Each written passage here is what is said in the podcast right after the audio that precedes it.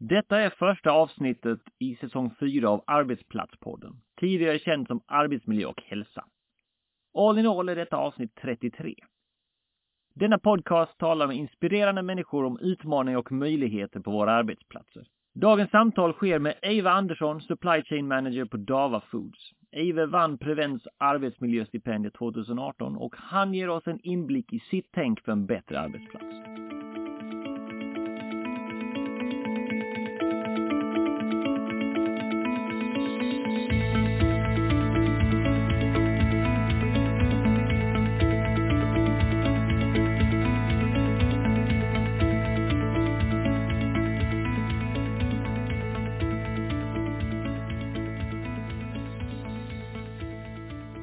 Hej alla lyssnare! Andreas här och välkommen till Arbetsplatspodden. Om det här är första gången ni lyssnar så tack för att du testar något nytt och väljer mig. Den här podcasten publicerar avsnitt varje onsdag och show notes finns på arbetsplatspodden.se. Lägg gärna till podcasten till dina favoriter. Du kan också följa mig på Facebook. Bara sök efter Arbetsplatspodden. Vi har i dagens samtal pratat med Eva Andersson som bland annat tycker man ska lyssna på gnällspikarna. Då har jag med mig idag Eva Andersson från Dava Foods som är en människa jag har läst en hel del om på sistone. Välkommen Eva! Tack så jättemycket! Så vem är Eva och vad har du för bakgrund? Vem är jag? 44 år, trebarnsfar, har jobbat eh, som produktions logistikchef, platschef, eh, diverse ledande positioner de eh, senaste 20 åren. Eh, utbildningsbakgrund, jobbat, eh, läst livsmedelsteknik på högskolenivå, men också lite grann kring eh, produktion och ledarskap under, under den här resan. Jag jobbar som eh, supply chain manager på, på Dava Foods eh, i Skara. Eh, började här för exakt två år sedan, firar faktiskt två år idag. Okej. Okay. började som produktionschef men har under resans gång fått lite utökat ansvar. Okej, okay. och hur ser en eh, vanlig arbetsdag ut för din del? Oj, det här är... Ja. Jag har ju en ganska spännande roll tycker jag. Jag får ju möjlighet att jobba både med eh, strategiska frågor eh, ur ett ledningsperspektiv eh, och eh, även en del operativa hands-on-frågor. Eh, mitt ansvarsområde det sträcker sig egentligen från att vi hämtar in, vi jobbar med ägg, eh, att vi hämtar in äggen ute hos producent till att eh, de är levererade ute hos kund. Och allting däremellan. Eh, förutom logistiken så har jag två stycken produktionsavdelningar. Eh, en, som till, en som packar ägg, eh, skalägg till, eh, ut till grossistleden och eh, även en, eh, en avdelning som jobbar med flytande produkter där vi levererar mycket produkter till bland annat industri. En, full, en arbetsdag för mig, den är ju som sagt att eh, den är ju som sagt den är väldigt varierad. Det, jag jobbar mycket med eh, långsiktiga frågor kring investeringsprojekt, ekonomiuppföljning. Men även de här dagliga KPI-erna som är viktiga för oss att vi, att vi tar, eh, att vi, tar, att vi att, att vi håller de planerna som vi har satt, att vi har en bra, säker arbetsplats. Eh, vårt viktigaste KPI det är givetvis eh, säkerheten. Och att vi lyckas med det uppdraget som, eh, som vi och våra kunder förväntar, förväntar sig av oss. Och du nämnde det så här med säkerhet bland annat. Vad är det som symboliserar en bra arbetsmiljö för dig? Bra arbetsmiljö för mig det är eh, i första hand om man ger sig på de lite hårdare frågorna, det är ju det att eh, när man kommer som eh, medarbetare till, till sin arbetsplats så ska, så eh, ska man ha den medvetenheten att här har vi en arbetsgivare som gör allt för att ingen ska bli skadad. Oavsett om vi jobbar ute i produktionen, om vi kör lastbilen eller om vi sitter på kontoret. Jag tycker det är lite fundamentet i en bra arbetsmiljö. Och sen Alltså om man fokuserar på de hårda frågorna så, kommer de mjuka frågorna, de, de, de, kommer med där för att talar man om som arbetsgivare att man, att man bryr sig, engagerar sig, så skapar man, så skapar man en stämning och eh, en approach kring, eh, kring arbetsmiljö på, på ett positivt sätt. Eh, givetvis en bra arbetsmiljö, det ska ju vara att komma till en arbetsplats där det inte tar emot att åka till. Man, man, man, på något sätt och vis så, det är inte alla, alla dagar som man tycker att det är jätteroligt att åka till jobbet men det ska inte vara det här att man känner det som ett tvång eller som ett måste för att vi har en dålig miljö. Lite grann jobba bort den här klumpen i magen som en del kan ha för sin arbetsplats. Ja, precis, absolut. Ja. Och vad ser du som den största utmaningen när man bygger en sund arbetsmiljö där alla trivs och växer?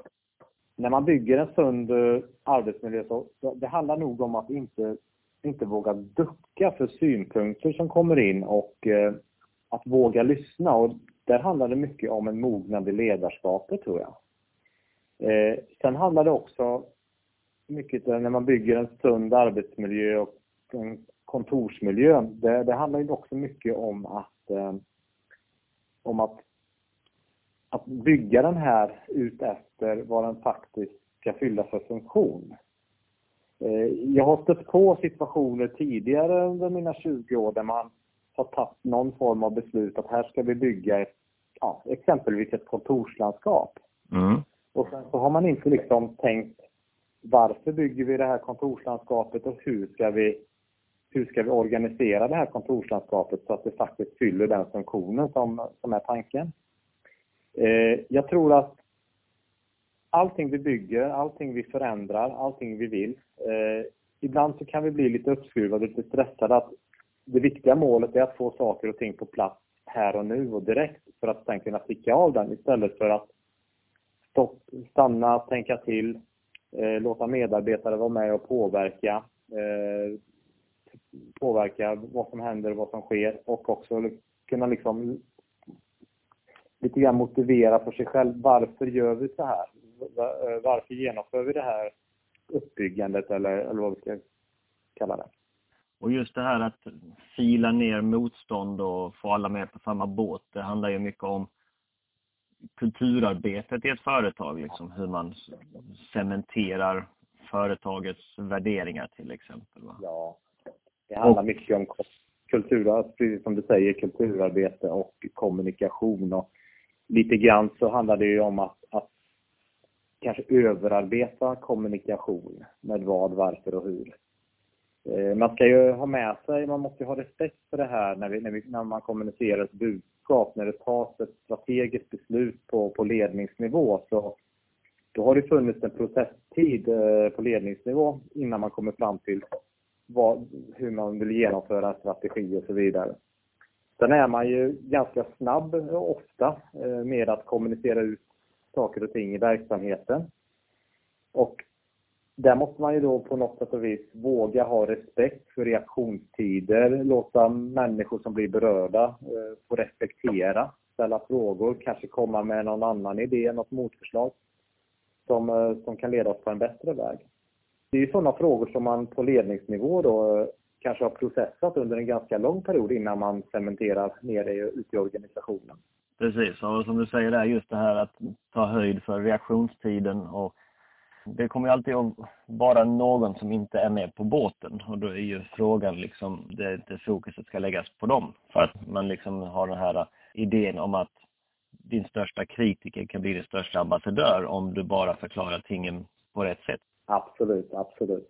Nej men det, det har du helt rätt i och eh, det har vi faktiskt på den här arbetsplatsen ganska många goda exempel på eh, där, eh, där kritiker har blivit ambassadörer. Det, det är helt fantastiskt att ha varit, fått vara med och varit en del av den här resan och, och följa de här individerna och den här utvecklingen. Och det är väl lite grann därifrån det här citatet som jag blir förtjust i, att ta vara på gnällspikarna kommer ifrån. Det handlar, för mig handlar ju det här med att ta vara på på gnällspiken. Det handlar om, eh, om, en, om mognad i eh, framförallt ledarskap. Man kan ju välja när någon, om man lite, lite fult uttrycker sig, när någon gnäller, att välja eh, antingen tycker man att det här är en gnällig person eller också så är det en människa som, som vill få till någon form av förändring och kanske inte har fått gehör för tankar, idéer och synpunkter eller åtminstone svar på varför man inte har genomfört eh, det som gnäll, den så kallade gnällspiken önskar tidigare.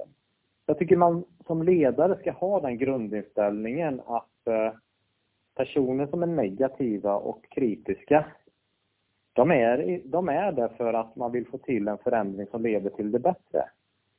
Eh, och jag tycker, jag tycker vi faktiskt har ganska många goda exempel här på, på den här arbetsplatsen. Jag har ett fall som är ganska intressant med eh, en individ som, om man lite elakt kallar den här individen för, för gnällspik. Eh, där vi, den här personen fick vara med i ett ganska stort investeringsprojekt. Eh, och bara just det här att vi lyssnade Eh, personen fick ge uttryck för sin dagliga arbetsmiljö. Att gör vi det på det här sättet så kommer det underlätta för individen, det kommer underlätta för verksamheten, det kommer förbättra vårt flöde.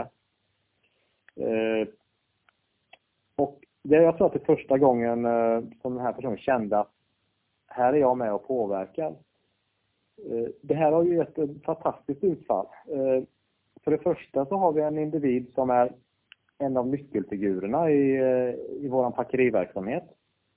Dessutom så har vi faktiskt fått upp våran effektivitet och vår output eh, fantastiskt mycket tack vare att, eh, att vi, vi, lät, eh, vi lät den här individen ha en beslutanderätt i det här projektet. Det handlar, tror jag, mycket om mognad också, att att inte tro som chef eller ledare att man sitter på alla svar, utan svaren finns ofta ute i processen, ute i verksamheten. Och nej, jag, jag har kanske fler, flera positiva exempel här och därför blir, är det, blir jag ganska glad när man går ut på ett dagligt möte i produktionen. Vi har ju dagliga styrningar, dagliga linmöten i vår verksamhet. Mm. När, de här, när de här synpunkterna och det här så kallade gnället dyker upp. Eh, det är, eh, det är helt fantastiskt, för det, det finns en vilja att förändra och förbättra. Och det finns, alla människor kan bli ambassadörer. Och det är ju det som, alltså, om man så då, den så kallade gnällspiken, alltså önskan kommer ju allt som oftast ifrån ett bra ställe där man, alltså man önskar att saker och ting är bra på arbetsplatsen. Mm. Och naturligtvis, förändring kan ju vara skrämmande va, men just det här som du nämner att ni har flera exempel av där man drar in dem i processen, förklarar, de får komma med input. Alltså många gånger handlar det bara om att inte man har blivit hörd eller sedd för. Absolut, absolut. Och det som är så fantastiskt när man lyckas vända på de här individerna också och eh, att de är delaktiga i en process, det är att, att ofta så blir de ju väldigt starka ambassadörer. Mm. Och på något sätt och vis lägger sig lite på om man, om man ska ha två läger, om man ska ha en företagsledning och, eh, och en produktionsapparat. Jag, jag tycker inte om liksom att prata vi och dem. Men när man, när man installerar en ny maskinutrustning så är det klart som sjutton att, att de människorna som inte har varit delaktiga i installationen tycker ibland eh, att det, menar, det här är inte okej, okay. det här är, det blev inte som vi, som vi ville. Men då finns de här ambassadörerna med som en draghjälp som kan som kan förklara och motivera och beskriva liksom hur resonemanget och processen går till och varför vi, man gör förändringar på ett eller annat sätt. Eh, och här tycker jag hos oss på Davafot att vi har ett, ett par helt fantastiska ambassadörer och som också har hjälpt oss eh, i, i att komma igång snabbt vid de, eh, vid de förändringar vi har gjort. Precis, och de som ändå vågar säga någonting har ju ändå någon typ av välvilja. Alltså man ska ju mer vara orolig för folk som aldrig yttrar sig. Ja, det, det, det, det är sant. Det är sant. När det gäller det här, yttra sig och ta upp saker och ting, jag tänker på mycket på säkerhetsarbetet har ju varit mycket ditt fokus. Ja. Och eh, hur, hur har din uppfattning ändrats genom åren kring hur man arbetar med det? Jag har ju eh, haft den fördelen att, eh, att jag har haft ganska många arbetsgivare under de senaste åren. Och eh, jag tror också att det handlar om en form av mognad. Eh, som person och eh, min profil så är jag ju väldigt resultatinriktad. Men har lärt mig under resans gång att det spelar liksom ingen roll hur bra kvalitet vi levererar om vi gör det på ett osäkert sätt. Att vi riskerar att, eh, att det finns medarbetare som kan bli skadade. Och det spelar ingen roll hur bra vi levererar om vi inte gör det med rätt kvalitet och eh, och att det, det finns risker, risker för våra anställda. så länge man alltid har säkerheten högst upp på agendan så vet alla, våra, alla medarbetare att det är där prio, det är där fokus ligger. Och då får man också de här spin-off-effekterna att eh, här har, vi, här har vi en arbetsgivare som bryr sig och då tänker vi bry oss också. Då vill vi engagera oss i verksamheten och, eh, och våran framgång, våra, våra resultat. Och det finns en väldigt bra modell som jag lärde mig för några år sedan eh, eh hos en annan arbetsgivare som bygger just på, på den här pri, prioriteringsordningen då med asset, safety, det kommer ju först, och så quality, kvalitet, delivery, leverans, kost kommer ganska långt ner. Och det roliga med den här modellen det är ju att sist på den här listan så kommer ju M som kan stå för motivation eller management. Men det spelar absolut ingen roll hur motiverade och hur glada och hur trevligt vi har om vi inte gör det här på ett säkert sätt. Eh, jag tycker det är en ganska, ganska bra modell att jobba med och en modell som kan genomsyra all styrning i företaget från eh, ledningsnivå ner till, eh, till operativ nivå. Den får vi gärna titta lite mer på och se om vi kan hitta en, en bra länk och lägga med så att folk kan titta lite mer på den modellen kanske där. Det här, en del av det här säkerhetsarbetet innebär ju också att man jobbar en hel del då med liksom att man har en uppskruvad arbetsplats som är liksom stressad och man jobbar mot deadlines på olika sätt. Där har min approach alltid varit att deadlines är min huvudvärk. Ni ska bara göra ett säkert bra jobb. Hur jobbar du med att hjälpa stressade medarbetare som känner att okej, okay, nu går det lite fort här eller har andra grejer som trycker på. Hur hanterar ni stressen hos medarbetarna där? Framförallt så handlar det om att eh, reagera och agera och visa att man finns. Eh, att vi blir stressade ibland, det, det tror jag vi alla stöter på, liksom du nämnde där. Men, men eh, när någon individ antingen signalerar själv att nu mäktar jag inte med. Eller också att man signalerar att det finns en, en kollega i närheten som, som inte mäktar med. Så handlar det ju liksom om att ta reda på, på lite mer. Eh, finnas på plats, tala om att jag kan hjälpa till. Det, det, jag menar, vi är 65 medarbetare på vår arbetsplats. Man kan alltid hitta någon resurs som, eh, som avlastar på ett eller annat sätt. Eh, ibland så kan det räcka med att den här stressade medarbetaren bara vet, eh, bara känner till att, eh, att det, finns, det finns en backup. Jag, jag, jag sitter inte ensam med, med de här problemen. Eh, men det kan också vara så att, eh, att man kan känna stress för att man inte är helt säker på hur man ska utföra sin arbetsuppgift. Eh, det kan handla om feedback, det kan handla om återkoppling, det kan handla om att uppdraget inte har varit tillräckligt tydligt. Och där fungerar vi olika som människor också, vilken, vilken typ av instruktioner och hur vi delar ut ett uppdrag. Och här är det väldigt viktigt att, att känna av individer, lära sig medarbetare. Alltså, vi, fungerar alla olika. Eh, så att det är väl jag, mycket tycker jag ligger i det proaktiva när man pratar stress. Alltså hur kommunicerar vi? Vad, varför och hur? Och eh, eh, också det här, det här feedback-delen, att, att finnas till hand. Alltså det du lyfter där är ju lite grann den här mångfalden av personligheter, kan man säga. Ja.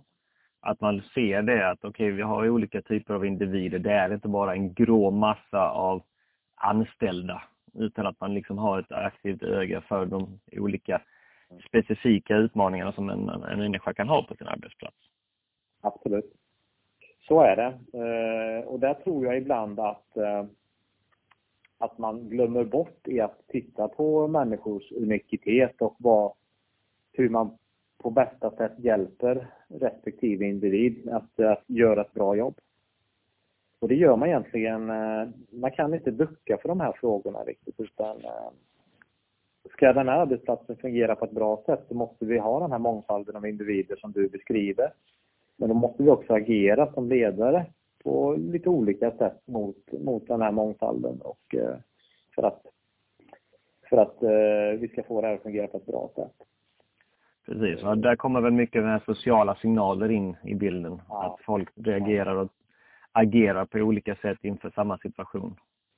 Eh, ja, men så, så är det och eh, jag, jag, tror att det har blivit än viktigare på senare år att, eh, att, att, att fånga de sociala signalerna som, som dyker upp i, i vardagen.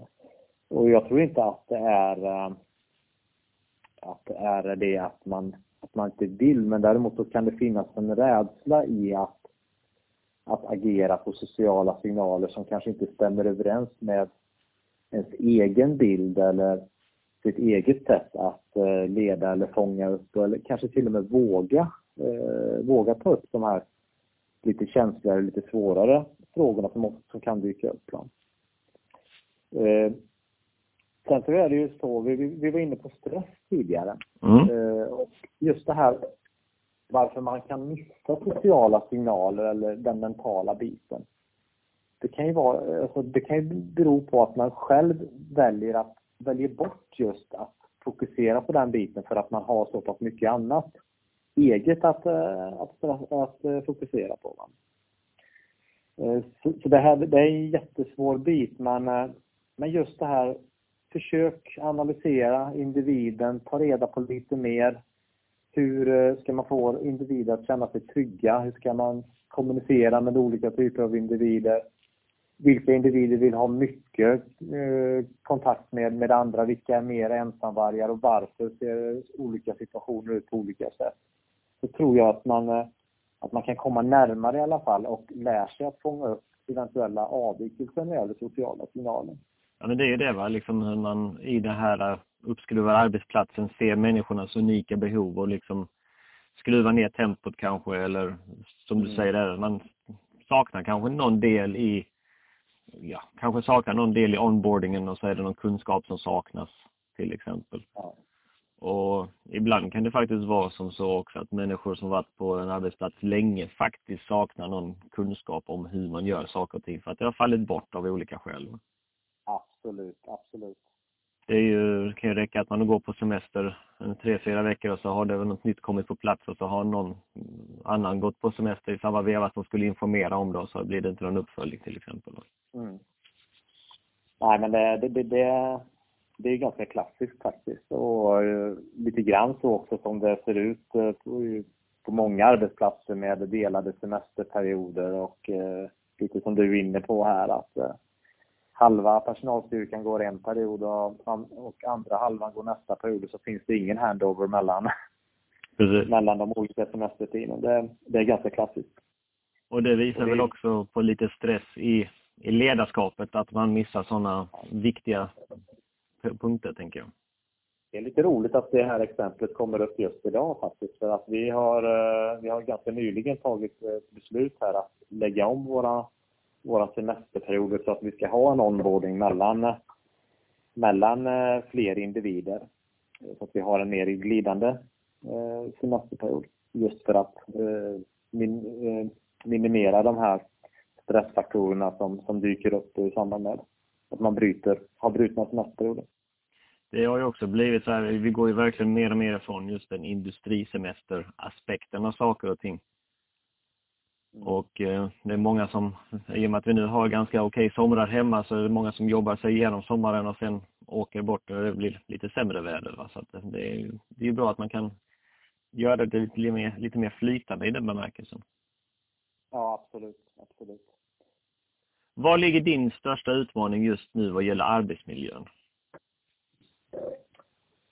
Eh, min största utmaning det är att eh, både att hålla det, det arbetet som vi, som vi har gjort de senaste åren, hålla det levande men också att ta nästa steg. Eh, I arbetsmiljöarbete för mig, eller arbetsmiljöarbete för mig generellt handlar ju om att vara proaktiv eh, att upptäcka risker, upptäcka signaler innan, innan skadan sker. Oavsett om det är de hårda säkerhetsfrågorna eller de, de lite mer mjuka frågorna Eh, med sociala aspekter. Eh, så för mig handlar det mycket om att eh, fortsätta försöka sprida ringar på vattnet. Att säkerhet, arbetsmiljö, det, det är högst upp på agendan. Oavsett hur vilka andra utmaningar vi har. För det, vi har ju ständigt utmaningar. Så ibland så brottas man med lönsamhet, ibland så brottas, brottas man med, som i våran värld, äggöverskott eller äggunderskott och, och ibland leveransproblem och så vidare. Men, men eh, som jag ser det, mina utmaningar ligger väl i att hålla fast vid det, vid det vi har skapat och eh, ta nästa steg, fortsätta utveckla det. Involvera mm. Eh, många människor. Sen kan man ju titta på, om man tittar i en mjuk aspekt när vi pratar om, om utmaning, arbetsmiljö. Det är ju vad som sker utanför arbetet också. Eh, något som jag vet upplevs som stressande hos många människor, det är ju det här med digitalisering. Eh, att vi ständigt är uppkopplade. Eh, att vi har tillgång till, eh, till våra mejl dygnet runt och eh, under lediga perioder. Att vi alltid är nåbara. Mm. Eh, just det här att, att kunna ge människor möjlighet att återhämta sig när man inte är på arbetsplatsen. Och just det här att hitta liksom former för att för när, när vi kontaktar människor utanför ordinarie arbetstid och sådär. Den är lite svårare att, att, att jobba med tycker jag. För att där fungerar vi också olika. Alltså många individer säger ju till mig att ja, men det känns bra att jag får mail på kvällen för då vet jag vad som händer dagen efter. Eh, medan andra människor upplever det som otroligt stressande när det sker någonting utanför ordinarie arbetstid. Det är sant. Där har man också en liten utmaning att balansera folks behov, kan man säga. Ja. Och den är så svår att ta på. Det som sker innanför väggarna på, eller i en lastbil, liksom, det, det är mer konkret på arbetsplatsen. Men just det här som sker utanför ordinarie arbetstid, den, den tycker jag är lite svår att jobba med. Ja, alltså jag vet om att uh, det finns lite exempel där man har sagt att uh, vi skickar mejlet men ni behöver inte röra det förrän på morgonen så att säga. Men sen är det då det här va, man måste då verkligen ha lyckats balansera förväntningar. Mm. Så att inte folk tar det som att okej, okay, du svarar på det när du vill, wink wink, men alltså, du vet. Ja. Absolut. Och där kommer ju den biten in igen liksom med de här, so, so, so, arbetssociala signalerna och kulturarbetet. Va? Vad är vi för en arbetsplats och vad vill vi ha sagt? Jag tänker, du pratade lite grann om det här med saker och ting utanför arbetsplatsen som kan ha påverkan. Så tänker jag ju då lite grann på det här metoo som exploderade för, jag vet, snart två år sedan. Är det väl. Ja. Och det hade ju också stora effekter på ja, arbetslivet som så mycket annat. Och vad har ni för arbete och tagit för steg gällande kränkande beteende och trakasserier och mobbning till exempel? Ja, nej, hos oss är vi otroligt tydliga när det gäller eh, trakasserier, kränkande särbehandling. Eh, att det, vi har ju absolut nolltolerans mot eh, den här typen av beteende. Eh, och det har vi inskrivet i våra policies och det, det är något som, eh, som vi agerar eh, på direkt ifall det skulle uppstå. Lyckligtvis så har vi inte behövt agera speciellt mycket under, eh, under, de, under min tid som, eh, som jag har varit på den här arbetsplatsen. Däremot så tycker jag metoo som fenomen är ganska fantastiskt. Eh, när, eh, när metoo eh, var i ropet, ja det, det, är väl ungefär två år sedan som, som du beskriver här. Så då, då lades ju fokus mycket på, på vad som hände och vad som skedde i media och eh, eh, ett antal eh, ganska kända personer som, eh, som, eh, som var i ropet där och så vidare. Just då kunde jag nog inte riktigt förstå effekten av metoo eh, så här ett, två år senare.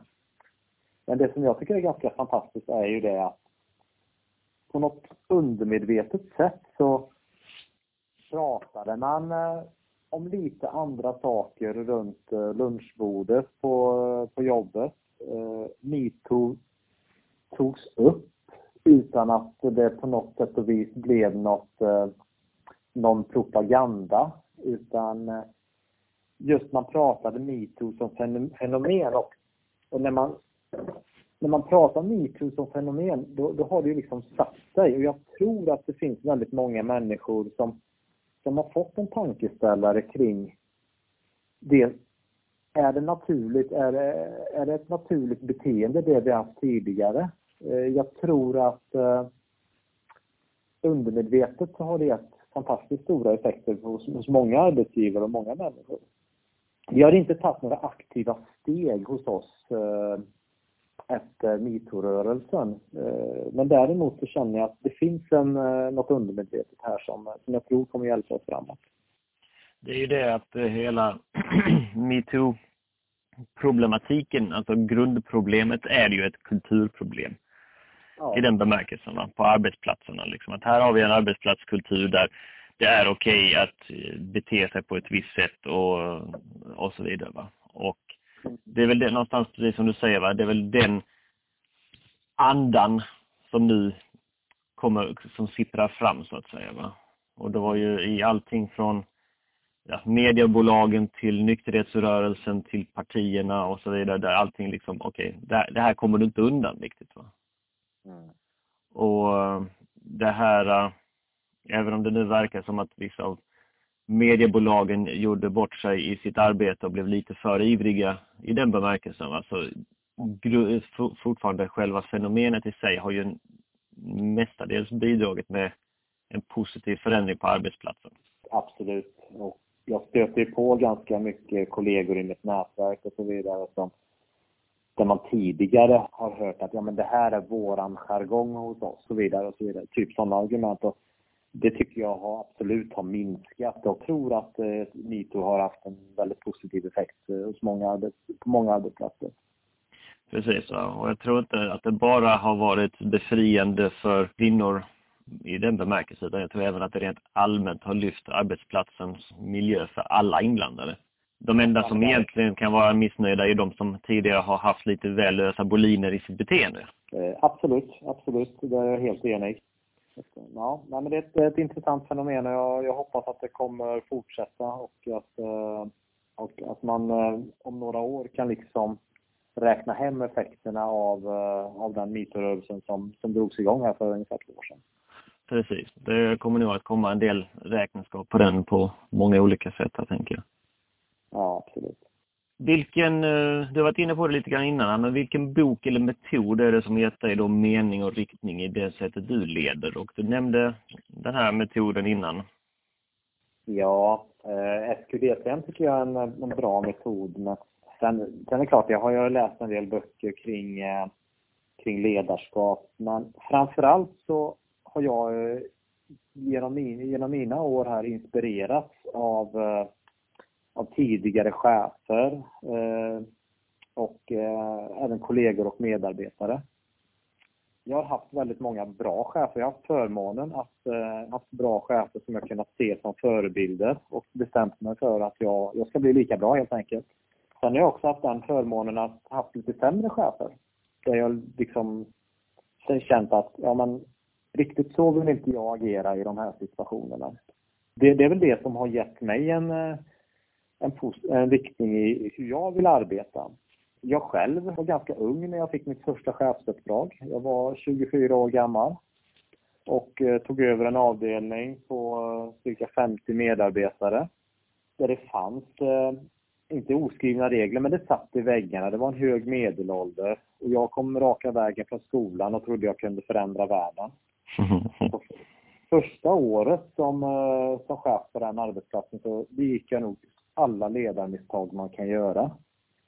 Det är klart att jag fick jobba kvar där och eh, eh gjorde säkert ett antal bra saker också givetvis men, men det, det har gett mig mycket eh, det har gett mig eh, mycket för, för resten av min eh, karriär. Eh, jag tror att man måste vara ödmjuk och stanna upp och eh, reagera och reflektera när man, när man kanske agerar fel, när man eh, eh, tar ett felaktigt beslut, när man säger fel saker. Precis som att man ska vara stolt över när man, eh, när man gör bra saker. Det är en sak. Sen finns det givetvis, som du, som du är inne på, litteratur. Eh, jag tycker en bok, den handlar inte så mycket om arbetsmiljö och ledarskap, men En bok som jag läste för eh, i, i samband med mina studier för 20 år sedan, det var en bok som heter Målet, Eliam Goldratt. Mm. Uh, den, den handlar mycket om uh, förändringsarbete, men just byggde på det här varför varför agerar du som du gör? Varför genomför du den här förändringen? Eh, och det är också det här att vi kan inte jobba med, med säg, arbetsmiljö och säkerhetsfrågor utan att vi ska också veta varför gör det? Vad vill vi ha för utveckling av det? Givetvis vill vi att människor ska må bra och trivas på sin arbetsplats, men så finns det ju någonting mer där. Vi vill också att vår arbetsplats ska bli varaktig över tid och eh, vi ska klara de strategiska målen och så vidare som, som vi sätter upp.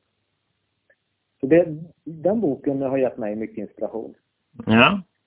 Sen tycker jag om de här eh, ny, lite nyare böckerna alltså, som har kommit ut. Eh, jag tycker om Thomas Erikssons eh, böcker. Omgiven av idioter är ju eh, en helt underbar bok. När eh, läsa om våra olika personlighetstyper och färgspråk hos människor nej, det, det, det, finns många, det finns många, många böcker som, som, som jag har läst och som, som jag får inspiration av. Absolut.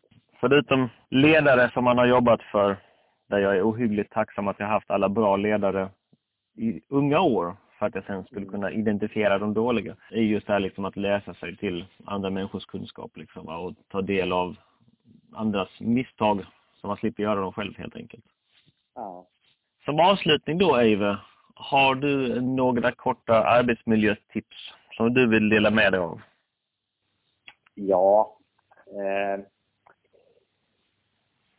jag tycker ju Alltså, grundläggande det är ju att lyssna och involvera. Eh, lyssna och involvera medarbetare i allt förändringsarbete. Och det, när vi pratar förändringsarbete, det kan vara stora investeringsprojekt, men det kan också vara det som ur, ur mitt perspektiv är en liten förändring men det kan betyda väldigt mycket för, för personen, individen som, som finns ute i verksamheten. Det, det, tycker, jag, det, det tycker jag är viktigt och det, det är liksom ett grundfundament. Eh, jag tycker vi ska arbeta proaktivt. Mm. Eh, vi ska satsa på riskobservationer. Eh, mitt viktigaste KPI, eh, där jag jobbar nu, det är att få in så många riskobservationer som möjligt på en månad. Eh, och där vi, alltså just för att kunna släcka potentiella risker innan det händer något. Eh, så att ett positivt KPI nyckeltal det är att hitta risker. Ett negativt eh, det är när det har hänt någonting för då är det för sent. Eh, vi var tidigare inne på lite grann om gnällspikar. Jag tycker, jag tycker det är lite roligt att det här har blivit på tapeten. Ett tips till mig det är att ta vara på potentialen. Se det inte som någonting jobbigt, gnälligt när, när det uppstår de här situationerna när gnällspikarna gnäller utan de har otroligt mycket att, eh, att komma med om, eh, om man gräver lite djupare. Jag kan tycka det att eh, ibland så skjuter man lite ovanför målet när man går skyddsronder och, och så vidare. Eh, ofta så ofta så eh, bestämmer man att nu kampanjar vi och satsar på arbetsmiljö och så gör man en gigantisk skyddsrond och gör en to-do-lista med 50 punkter. Och så är det ingen som mäktar med att släcka de här. Utan jobba mera löpande, kortare intensiva skyddsronder, eh, släck de punkterna som uppstår och, och gneta vidare lite grann. Det, det tycker jag är ett tips, att få in det lite mer i vardagen. Jobba mindre med det men med mer kvalitet. Med de punkterna Eve så tackar jag dig jättemycket för att du tog dig tid att dela med dig av dina erfarenheter och dina kunskaper. Tack själv. Och jag önskar dig en fantastisk framgång på Dava Foods. Tack så jättemycket. Det var dagens avsnitt av Arbetsplatspodden. Jag hoppas du tyckte det var givande. Dela gärna avsnittet eller kommentera. Jag hoppas att du får en fortsatt fantastisk dag.